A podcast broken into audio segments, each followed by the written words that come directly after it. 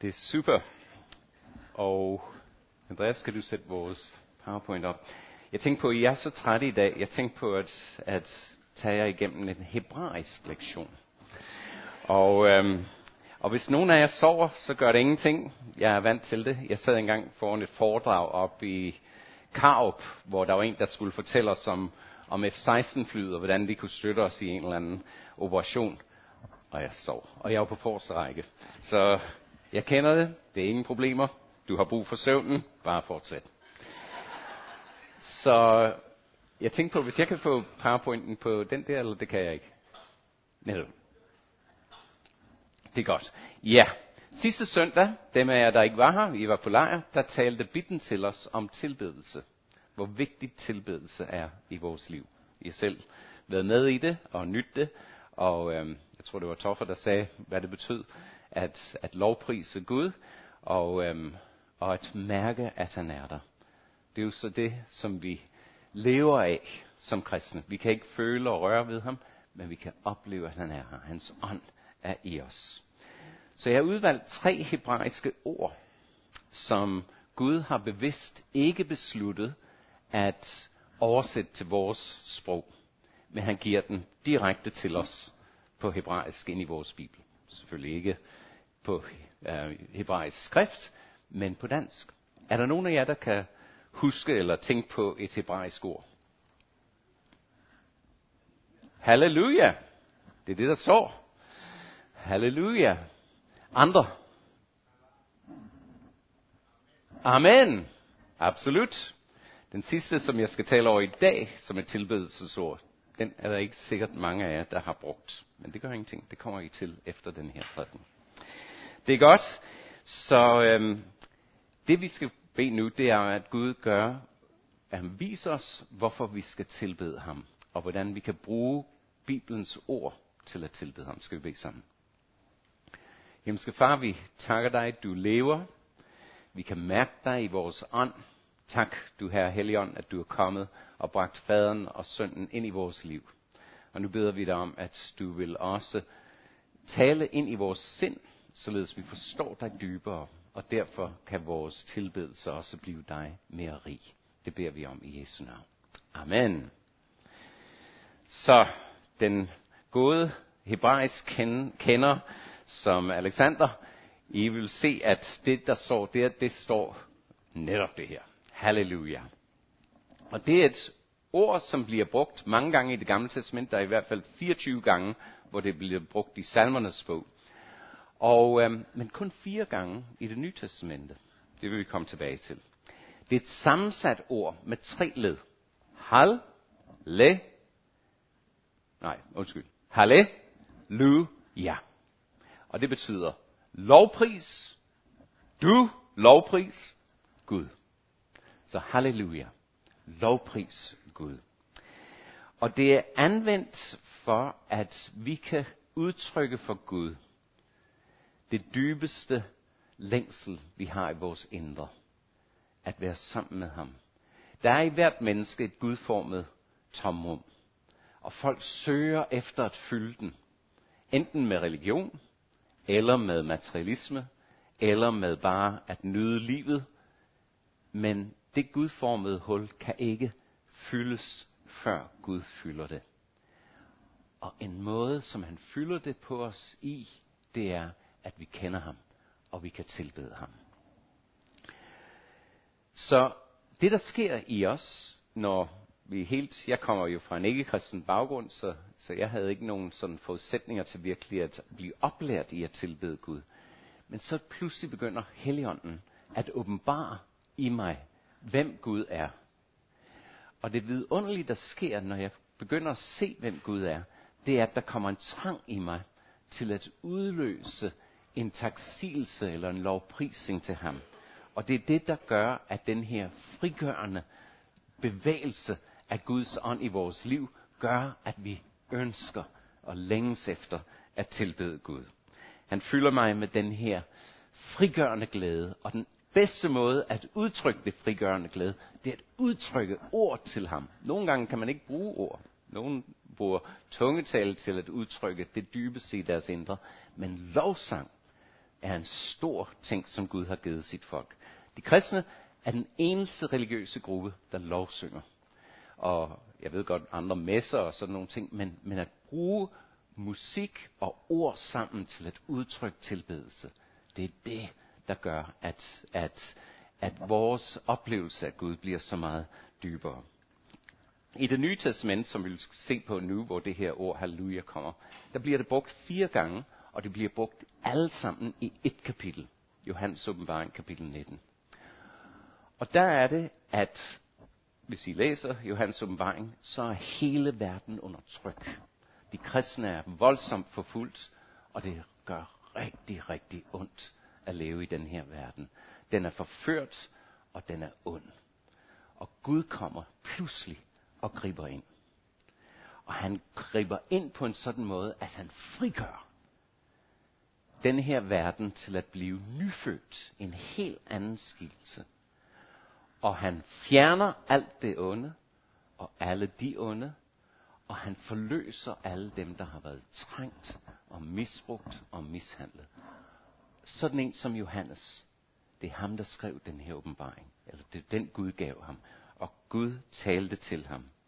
Og så vil, siger Gud, at han vil afslutte den her syndige, faldende og oprørske verden. Og i stedet for føre ind en helt ny tilværelse. Et nyt, en ny tilværelse, som vil vare i al evighed. Så konteksten til, til det her, det er, forestil dig Johannes' situation. Han sidder i et fangehul på en lille ø, der hedder Patmos, og han er en af lederne i kirken. Hans kirker, de har forskellige problemer. Og han tænker, hvordan overlever de?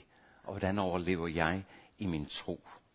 Og så pludselig, midt i det stinkende, udskudte, forkastede fangehul, der møder Gud ham.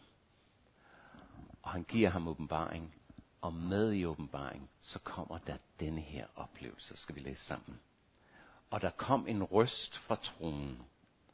Lovpris vor Gud, alle hans tjenere. I som frygter ham, både små og store. Og jeg hørte lyden som er en stor folkeskar, og som er vældig vande, og som er stærk torden, som sagde, Halleluja. Herren, hvor Gud den almægtige har taget magten. Lad os glæde os og juble og lovprise ham. For nu skal lammets bryllup stå, og hans brud um, har gjort sig redde. Hun har fået givet at klæde sig i lysende rene linnedklæder, for linnedklæderne er de helliges retfærdige gerninger. Englen sagde til mig, skriv, salige, lykkelige er de, der er indbudt til lammets bryllupsfest. Englen sagde til mig, det er Guds sande ord. Forestil dig Johannes med hans lænker og hans pjalter, så lige pludselig at se sig selv uh, som en brud, der har gjort sig klar til sin brudgom. Med alt de fine pittetesser, der skal til, som ingen af os opdager, men du opdager det, hvis du står som brud, og det er vigtigt for dig. Alle de ting er forberedt. Og omkring dig er den skønneste, opbyggende, herlige musik. Fra at gå fra det ene helt over til noget helt andet. Det er den forsmag, som han har. Og det sker snart. Og det sker pludseligt. Og det sker overraskelse. Ja, sådan kan det gå, når man synger Hendels Messias ved juletid i en shopping mall i England. Det her Halleluja-kor er det kendteste musikstykke, som Händel har skrevet. Og øhm, da kong Geo den anden sad til dens premiereopvisning i London, så da han kom til det der, så uden at tænke sig om, så rejste han sig på sine fødder. Betaget, begejstret, oplevet. Og da det skete, så rejste hele teateret sig for at stå op, når kongen stod op. Og lige på det tidspunkt, der stod kongen af Storbritannien foran sin konge, den himmelske konge, Jesus Kristus. Så stærkt er åndens virke, når tilbedelsens ånd får lov til at gribe fat i os. Og det fører os så frem til det næste ord. Det er et aramæisk ord. Aramæisk er jo så Jesu modersmål. Det var det, han talte hjemme hos sine forældre, blandt hans brødre og også blandt disciplene. Og det ved jeg ikke, om I kender, men det er et ord, som nogle af jer har hørt om. Det hedder Maranatha. Det kommer én gang i det nye testamente. 1. Korinther 16, vers 22. Kun én gang, hvor det ikke er oversat. Resten af de steder, hvor konceptet af Maranatha kommer, så er det gemt i en oversættelse. Herren vil komme. Så det, der er tilfældet her, det er, at tænk på, at Paulus, han skriver til en kirke i Grækenland, blandt græstalende. De kender ikke aramæisk, de kender ikke hebraisk. Men alligevel i hans brev til den her kirke, så skriver han det her aramæiske ord til sidst. Hvorfor? Af to årsager. Den ene årsag, det er fordi, det er den, de bruger lige pludselig under forsamlingen, når der er åben tid, så siger en eller anden, Maranatha! Kom her, kom! Og så de var vant til den, det, det udtryk blandt dem som de første kristne. En anden ting var, at det var et kodeord. Det var lidt derfor, jeg satte fisken op. Fisken var et tegn, kristne kunne gøre over for hinanden, for at tilkendegive, at de var kristne. Og så vidste de i en vanskelig tid og en vanskelig verden, om de var kristne. Måske i en fængsel eller sådan nogle ting. Så lavede de fisktegn, og så vidste de, at, at det var det. Måske nogle af jer på, bag på jeres biler har sådan en fisk, der udtrykker, at vi tilhører Jesus. Fordi fisk på, på, på græsk bliver udtrykt ictus, og hvis man tager hver af de bogstaver, så fortæller det om, hvem Jesus er. Så Maranatha og iktus, det var to måder, som kristne kunne øhm, identificere sig over for hinanden. Og Maranatha er et todelt ord. Maran, ata. Og det betyder, Herren, kom. Og det har en dobbelt betydning. Det har en teologisk betydning, og så har det en tilbedende betydning. Det vil vi lige kigge på. Så Maran, ata, det betyder, hvor Herre er kommet.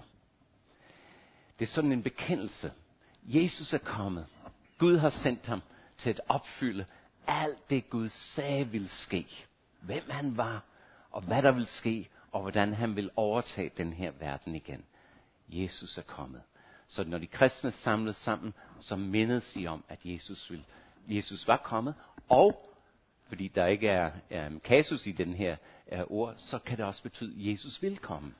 Er kommet, har kommet, vil komme.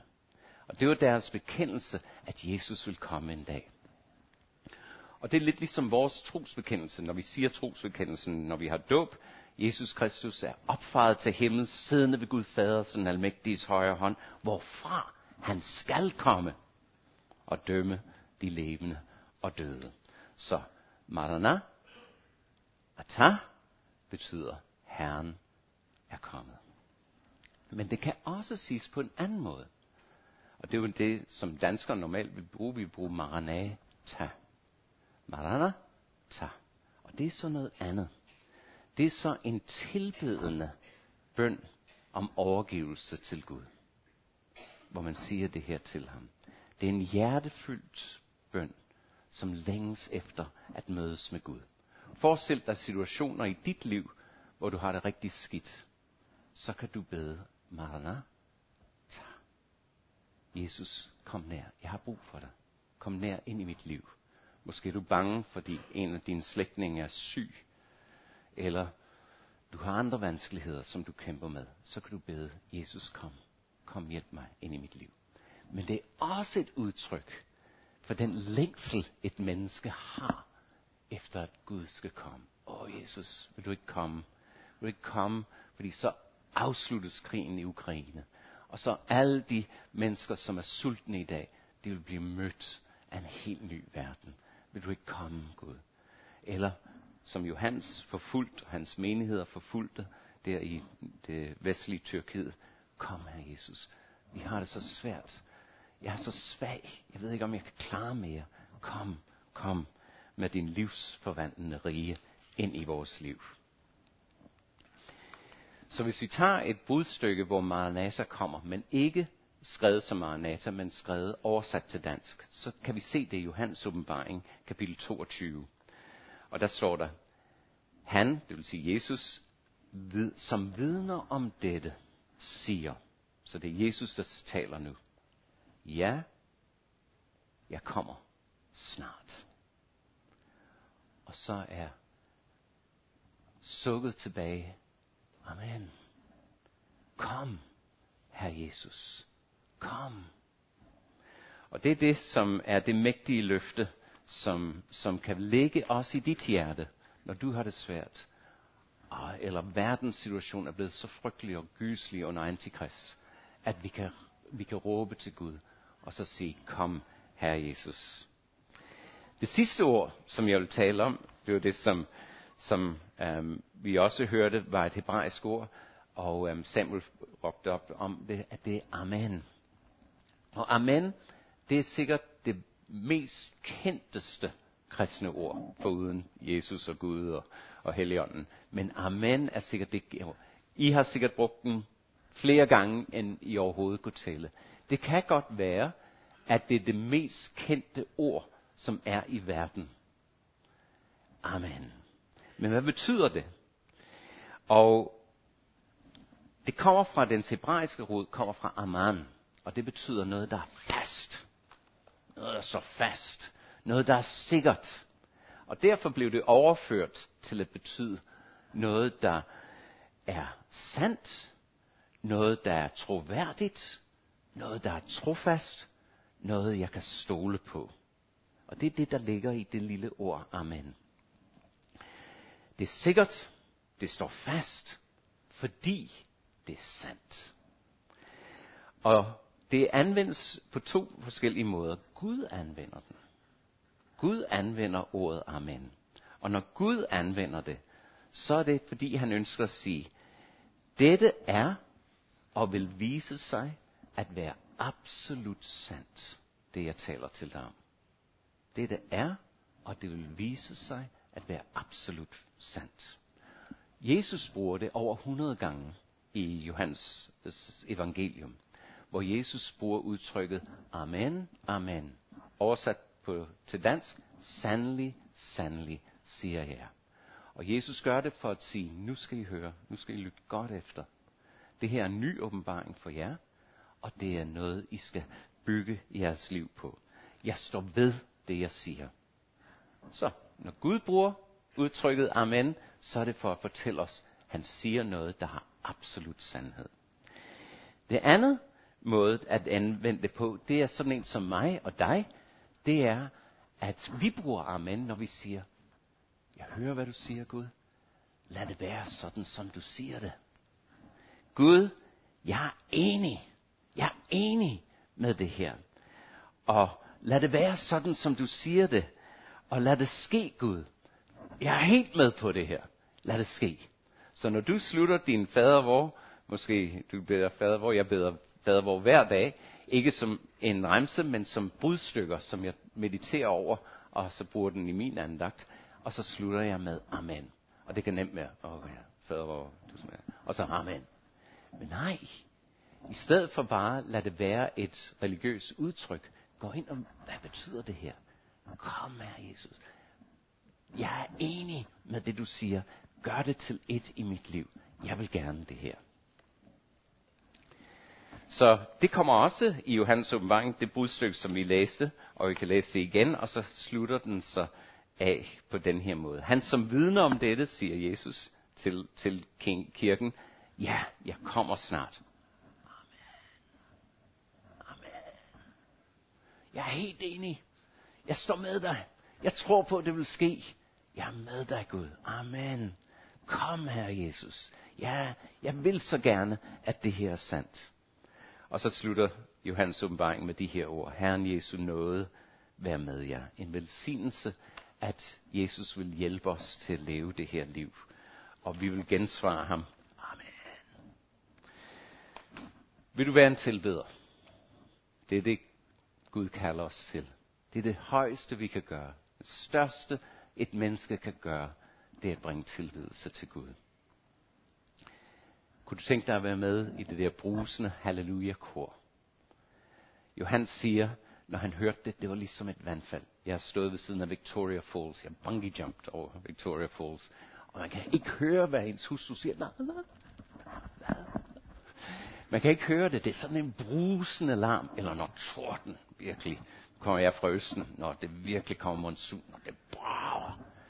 Så er det så stærkt. Det er sådan, det bliver, siger Johannes. Så overvældende stort. Milliarder, milliarder af engle og mennesker fra hvert sprog og stamme. Jeg har to australske af mine venner med her i dag. Selv på australsk kender Gud at sige halleluja og alle de her ting. Så vi kan forbindes på den der måde. Alle sammen. Tænk folk fra Myanmar, tænk fra folk fra Nordafrika, som vi beder for. Det takker vi Gud for.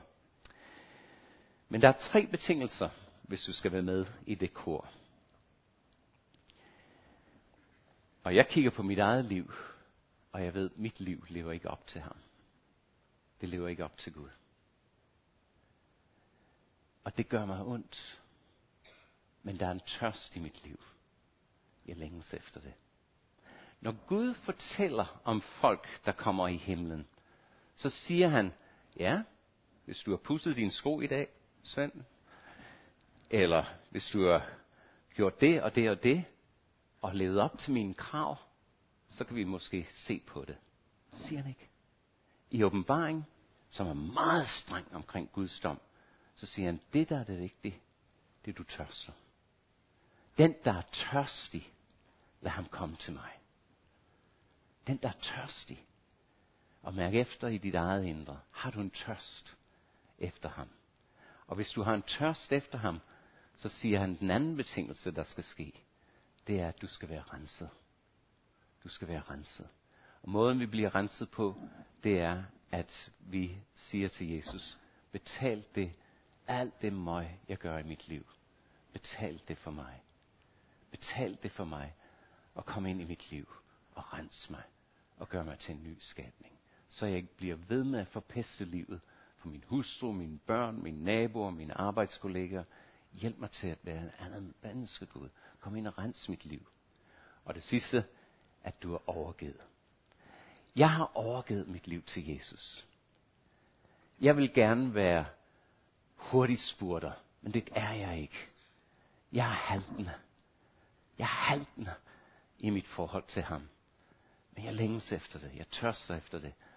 Og jeg beder bare, Gud giv mig noget til at fortsætte i min haltning efter dig. Fordi en dag ønsker jeg at være med i dit evige rige. Skal vi blive sammen. Himmelske Far, vi vil bruge Johannes' bøn til sidst. Kom, Herre Jesus. Kom snart. Marana, ta. Kom, Herre Jesus. Og gør dit frelsende, rensende, forløsende værk også i mit liv. Amen.